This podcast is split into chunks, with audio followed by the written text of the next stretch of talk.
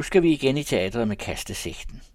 De to sete forestillinger, der dengang gang kommer under kærlig behandling, tager os fra fortidens franske intriger i slutningen af 1700-tallet via splinens hovedstad 100 år senere og til nutidens Birkerød og Bagdad og grus i identitetsmaskinen. Vi begynder årets første kastesigte i selskab med Staffan, Bente, Hampton, Kirkskov og Øst. Det er Staffan Valdemar Holm, der har instrueret. Det er Bente Lykke Møller, der har designet scenografi og kostymer. Det er britiske Christopher Hampton, ham der også havde skrevet et tysk liv, som vi anmeldte sidst, der har bearbejdet originalforlægget brevromanen Farlige Forbindelser fra 1782 af Chodelot de la Clos, der udover at skrive levedygtig litteratur, også opfandt artillerigranaten. Det er direktøren for det hele, Morten Kirkskov, der har nyoversat stykket til dansk, og det er ingen ringere end Tammy Øst, der personificerer La Marquise de Mateu, den ondskabsfulde og overlegent manipulerende selskabsdame, der med iskold skadefryd forsager så meget skade på menneskene omkring hende.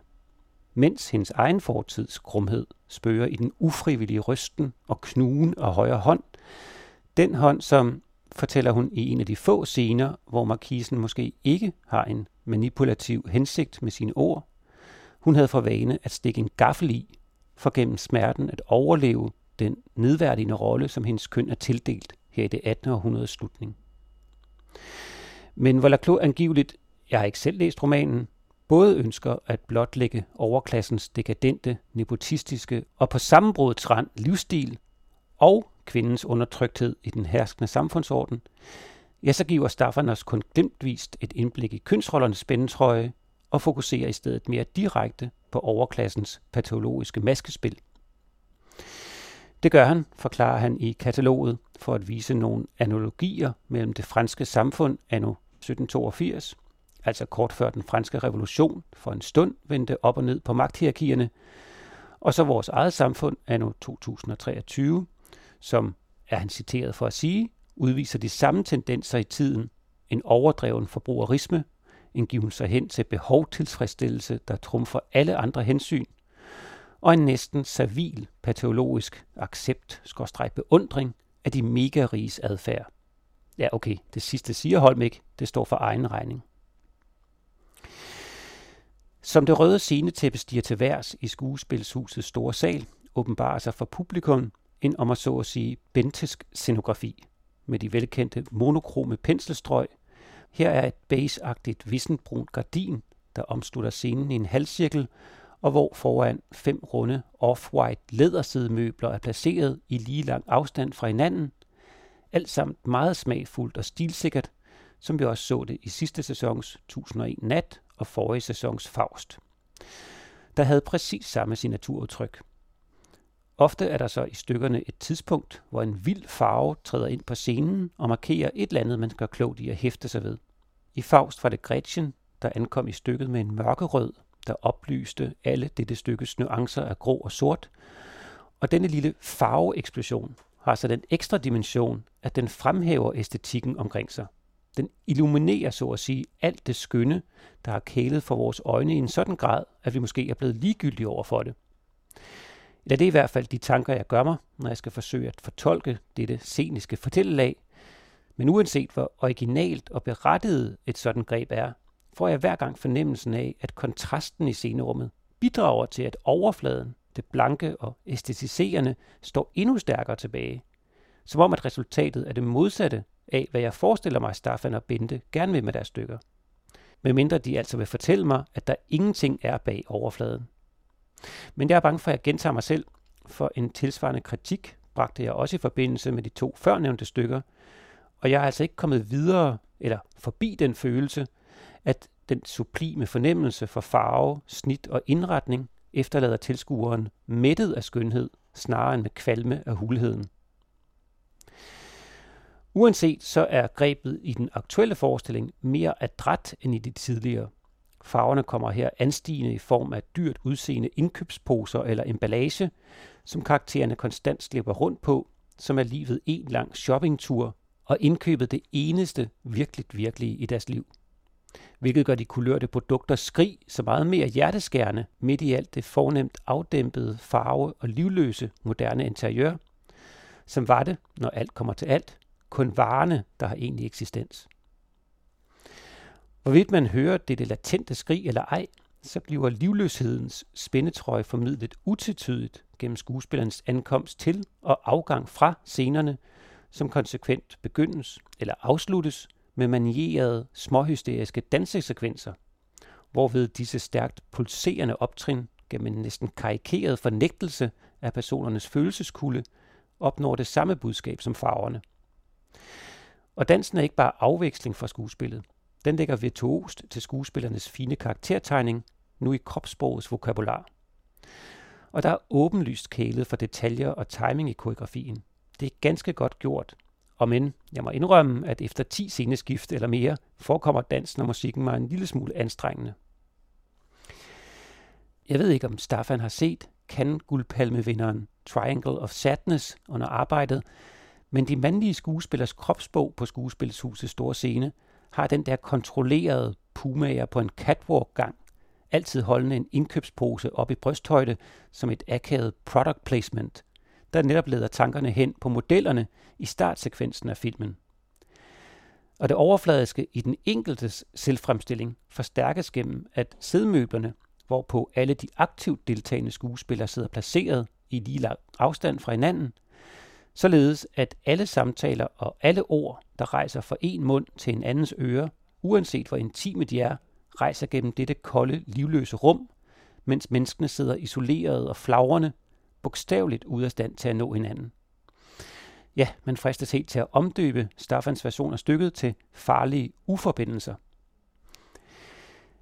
Men selvom figurerne i farlige forbindelser ses i deres blanke, moderigtige fæstninger, er de dog også mennesker. Og at det lykkes at frembringe en perifær og porøs, men dog mærkbar empati for dem, er i mine øjne forestillingens virkelige styrke. Et er, at vi nok er vant til, at Tommy Øst spiller med formidabel rækkevidde i sit register, og her er ingen undtagelse. Hun er simpelthen et under at beskue. Men da vi efterfølgende gennemgik rollelisten, fik alle skuespillerne topkarakterer. Og ikke kun fordi de spiller godt, også fordi de efter vores mening er castet helt rigtigt. Jeg fristes til, i en parafrasering af Heidegger, at sige, at de er kastet perfekt ind i rollen. Kasper Crump for eksempel, den anden hovedrolle som Valmont, har ud over talentet også fysikken til at være både alfahand, slisk modefrikadelle og den knuste forfører til sidst. Ligesom at Birgitte Hjort Sørensen i rollen som den dydsigede Madame Tourelle på fornemmeste vis forvalter sin fysiske skønhed med elegant kølighed og libido forskrækket anstand. Og sådan kunne jeg blive ved. Det er vidunderligt at se skuespil få så mange nuancer, selv hvis replikkerne nogle gange forekommer en anelse filmlærredagtige. Det er ikke kun Kasper Crump og Stephanie Nguyen, eller det minimalistiske monokrome sceneunivers og de blanke kostymer, der går igen fra Staffan og Bentes version af 1001 Nat på Republik sidste sæson. Stemning, kropssprog, pauser og brug af ankomst og afgang fra scenen minder så påfaldende meget om hinanden, at det er som om, at det er den samme historie, de fortæller. Hvilken får man måske et hint om i kataloget, hvor Staffan ud over det med paralleliteten mellem vor tid og den franske revolutions, er citeret for at sige, at romanen og stykket beskriver en tid, hvor vi ikke altid ser de strukturer, der ødelægger os, fordi vi er midt i dem. Men lige før systemer bryder sammen, før syndfloden, tænker man i moralske mønstre, og teateret skal altid være parat til at beskrive den verden, vi lever i.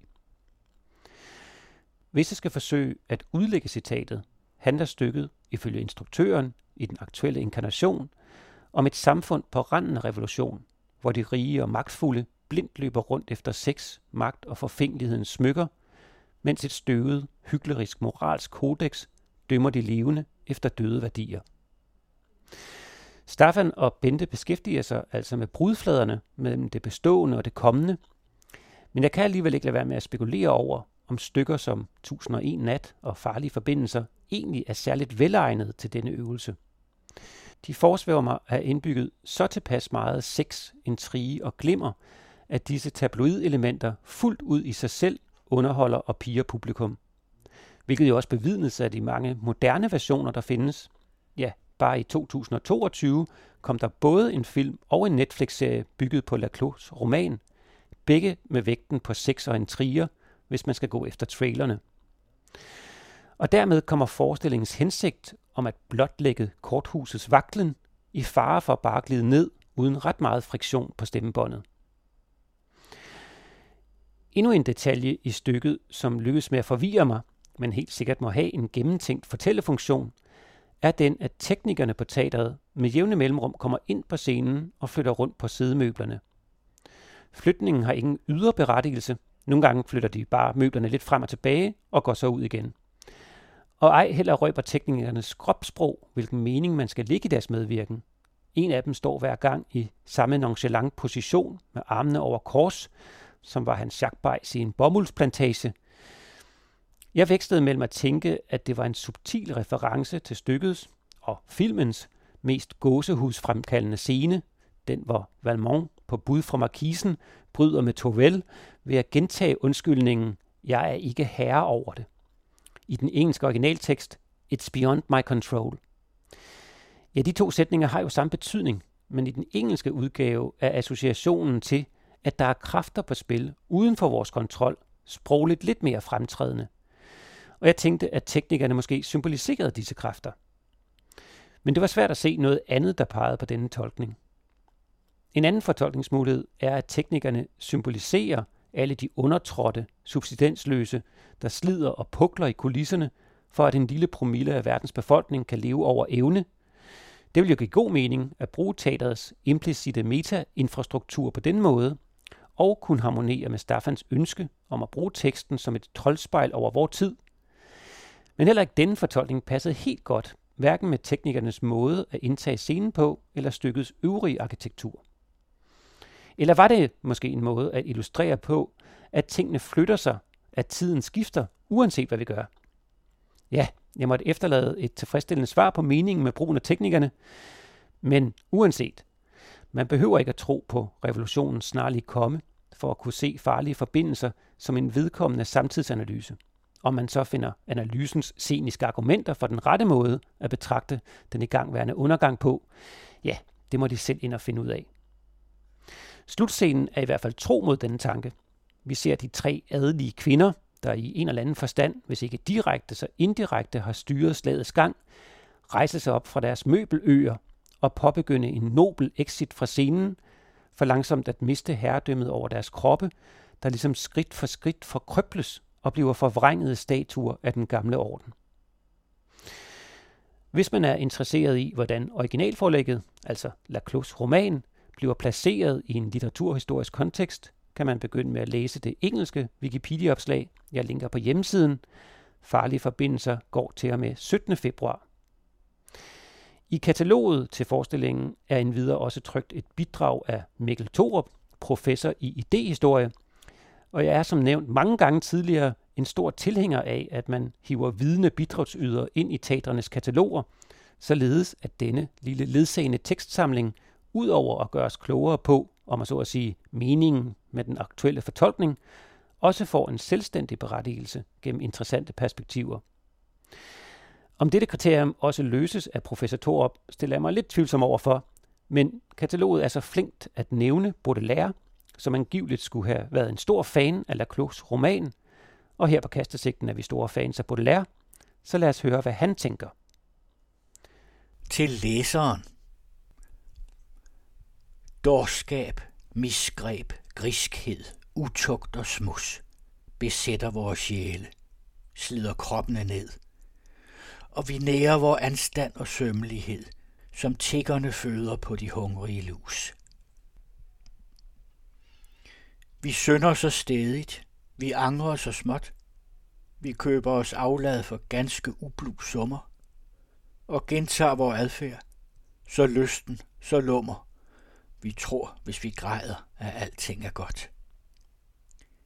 Det er Satan Trismegistus, selve antikrist, som vugger os i søvn, fører sjælene til fald, og selv de bepansrede viljers tungmetal fordamper ved et tegn fra den snu alkymist. Til djævelens fløjter og trommer vi marcherer, mens vi finder behag i det arveste skidt. Og vi nærmer os helvede, skridt efter skridt, i mørke og stank, som vi glade ignorerer. Som en sølle libertiner, der kysser og bider i en afdanket tæves udpinte hængebryst, stjæler vi på vejen vor hemmelige lyst. En runken appelsin, som vi presser og vrider.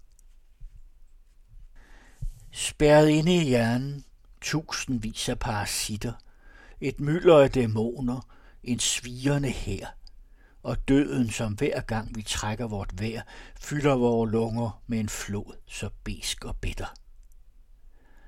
Hvis voldtægt og morbrand, gift og ragnarok endnu ikke har broderet deres yndige motiv på det banale stramaj, som er vort arme liv, så er du, kære sjæl, stadig ikke hærdet nok. Men midt i hylen, knoren, væsen, skrigeri, fra aber, chakaler, skorpioner, gribe, slanger, de galbende monstre, som fnyser, brøler, stanger i vores lasters kvalmende menageri. Er der en, som er hæsligst, ondest, mest gemen? Skønt han ikke skriger op, aldrig gestikulerer, kunne han med glæde knuse alt, som eksisterer, og sluge hele verden til den aller sidste sten. Leden han drømmer om galger og mor, mens han fælder stille tårer i hukarøgens slør. Du kender ham, læser. Dette monster uden klør. Hykleriske læser. Mit billede. Min bror. Det var Carsten Farve, der læste til læseren højt i Peter Poulsens fornemme oversættelse. Jeg var faktisk så heldig at være til stede til receptionen på Glyptoteket, dengang bogen udkom, hvor Peter Poulsen selv læste sine ord højt, akkompagneret af klaver og saxofon. Jeg vil ønske, at vi havde lidt mere af den slags i det danske kulturliv. Og dansk kulturliv og en næsten baudelairsk konfrontationsiver, ja, det handler det andet stykke vel i og for sig også om. Vi er på Blågård Teater på Nørrebrogade, og når jeg googler arabisk kvinde, så kommer der en masse billeder af tildækkede kvinder frem. Jeg er ikke tildækket. Jeg er den anden arabiske kvinde. Sådan begynder Hanin Georgis sin monolog på Blågård Teater, og nej, det tildækket er ikke Georgis kop te. Hun står nøgen, som Gud eller Allah eller hendes mor har skabt hende foran os, og fortæller om sit liv. Om barndommen i Birkerød, om madpakkernes identitetsstempel, om den indbyggede flertydighed, hendes ophav producerer. Hendes forældre kommer fra et lille katolsk mindretal i Irak, men er selv sekulære, og Hanin og hendes brødre og fædre har ingen problemer med hverken alkohol, sex, før ægteskab eller svinekød. Ja, det skulle da lige være det, at stemmerne i hendes hoved hele tiden presser hende til at spise svinekød ved enhver given lejlighed, også selvom hun har lyst til roastbeefen, for at vise verden omkring hende, hvem hun ikke er. Hun spekulerer over, om de flotte fyre i ungdommen undgik hende af angst for hendes mandlige familiemedlemmer. Hun ønsker sig, at de flotte fyre, hun nu knaller med, dog bare ville anerkende hendes ret til at være skamfuld over de mange kropshår. Hun bliver vred, når hun jagttager, hvordan den nedladende danske kultur fordrer, at hun skal have taknemmelighed som et personlighedstræk. Hanin spiller, illustrerer og artikulerer meget overbevisende alle disse flertydigheder. Vreden, humoren, lysten, forståelsen, frustrationen, de kulturelle koder og den marginaliserede plads, som arabisk kultur og historie har i Vesten. Og det gør hun med en forførende energi, der overvinder tekstens indimellem hulter til bulter modsætningsfyldte karakter. En karakter, som jeg synes, man skal vælge at se, ikke som det mere eller mindre vellykkede resultat af en svær manuskript nedredigering, hvor der formodentlig på et tidspunkt har været mange flere vildtvoksende narrativer, som det ofte er tilfældet med debuttekster, fulde af fortællelyst, som de jo er, men som en autentisk kropsliggørelse af alt det mangetydige identitetsråd og stemmerne i sindet, hun bakser med. En af måderne, det bliver gjort på, er ved, at alt imens Hanin guider os rundt i sin barndom, ungdom og selvmarginaliseringen af hendes etnicitet, så ledsages hun på scenen af hen ved et dusin højtalere, der efter tur sænkes ned fra loftet og blander sig i hendes fortælling, enten ved støj og interferens, som en slags identitetstinitus, eller ved mere invasivt at blande sig med kommentarer, der auditivt eksemplificerer de tunge blikke, der ligger sig på alle dem, der ikke ser ud som den hvide dansker, men måske særligt dem med et udefinerbart muslimsk udseende. Hvordan det føles, kan vi, der ikke har prøvet det, kun gisne om, men et par hit som bud herpå lykkes stykket med at give os gennem denne højtalerkakofoni. I forlængelse heraf sagde min ledsager den aften efterfølgende, at hun havde svært ved at forstå, hvilken holdning eller stemme, der egentlig kom til udtryk. Han formår både at lægge stor afstand til det arabiske som identitetsmarkør, og selv i sine sætte sig som frigjort kvinde, der drikker, danser og knipper. Ja, det med sexlysten fyldte desværre ret meget. Jeg er ikke sikker på, at hvis konteksten havde været en dansk eller grønlandsk for den sags skyld ung kvinde, der fortalte om sit liv, at liderligheden og de mange dildoer ikke bare havde været plat. Set fra min stol synes det som om, at den del mestendels skulle være en fripostig måde at slå monobilledet af den arabiske kvinde i stykker på, ligesom når hun fortæller om sit besøg hos sine venner i Bagdad, hvor de også drikker og danser og knipper, altså formoder jeg, er underteksten, at de irakerne ikke er undertrykte af en islamisk ideologi, som stykket antager, og sikkert med rette, at vi danskere går rundt og tror. Og hvordan denne dyne af fordomme fra omverdenen påvirker et menneskes psyke og adfærd, uanset om fordommene er virkelige eller adfærden virkelig begrænset, er rigtig vellykket skildret i den anden arabiske kvinde. Også selvom dildorerne virkede lidt studentikose. Samtidig ønsker han imidlertid også at optræde som den store dannelsespædagog, komplet med laserpegepind. Nu er hun pludselig den stolte arabiske ambassadør, der fortæller os om den rige historie, om kulturen og skriftsprogets opståen mellem Øvfrat og Tigris, om arabernes naturvidenskabelige landevindinger og opfindelser, deres rige madkultur, som vestens hipster har approprieret, og alle de mange andre ting, som denne verdensdel har bidraget med, men som ikke bliver nævnt end sige anerkendt i det danske uddannelsessystem. Hele dette afsnit i forestillingen bliver ledsaget af en hulens masse tekstprojektioner med disse lidt trivielle fakta, og blev lidt for, ja, jeg ved ikke rigtig, didaktisk. Hør nu bare her, hvor storslået den arabiske kultur er. Jeg ved faktisk ikke, om det var præcis det, min ledsager hentede til, da hun senere sagde, at stykket var lidt gymnasieagtigt. Altså på den gode måde, tilføjede hun så.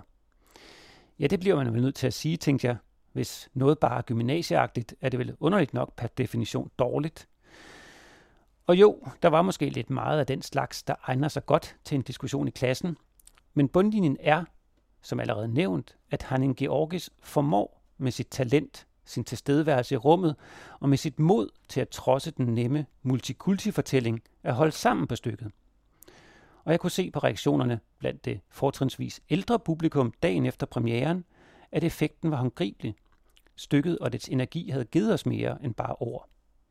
Og så kan man jo også lov håbe, at nogle placerede gymnasieelever, arabiske eller danske eller grønlandske, bliver hævet ind og konfronteret med både nøgenheden og stemmerne i vores allesammens hoveder. Den anden arabiske kvinde med undertitlen Et portræt i opløsning er instrueret af Øslem Salmak og kan ses indtil den 11. februar. Og apropos det gymnasielle, så ser jeg, at Aarhus Teater i samarbejde med Journalisthøjskolen samt en række østjyske gymnasier har lavet et originalt nyt tiltag, der skal trække flere unge i teatret. Det er en konkurrence, hvor gymnasieeleverne kan dyste i tre forskellige kategorier inden for teateranmeldelsesgenren. Den klassiske anmeldelse, anmeldelser i nye formater og den bedste detalje. Vinderne får ud over en præmie også muligheden for at sidde i juryen, der skal kåre den næste trojka af vindere. Sjov og god idé, der godt kunne udbredes til hele landet. Jeg linker til hjemmesiden Teateranmelderiet. Og inden vi til afsked, så kan jeg også lige nå at nævne, at man for tiden kan se en udstilling af teaterinstruktør Katrine Wiedemann og scenograf Maja Ravn på Sofienholm ved Bagsvær Sø. De to og indbudte gæster fortolker mørket, og hvis man kommer torsdag eftermiddag, så får man en performance eller en talk oven i hatten. Helt på sin plads med en fejring af mørket, som også giver os mulighed for at observere den store komet på nattehimlen i disse uger, og særligt når man nu ved og kan mærke, at lyset nænsomt har overtaget igen. I hvert fald dagslyset. Det bliver da nok snarere dystert end sangvinsk denne weekend, når der er premiere på andet kapitel af trilogien Furier på Husets Teater. Det hedder Elektra, har Asta August i hovedrollen og er instrueret af Anja Berens. Jeg har en intuition om, at det bliver en af sæsonens teateroplevelser. Kastesigten er tilrettelagt af Rasmus Blede Larsen, og det var mig, Carsten Farov, der læste Baudelaires digt til læseren for Helvedes Blomster i Peter Paulsens oversættelse, og på hjemmesiden er der links til de i programmet omtalte forestillinger og andre teaterting.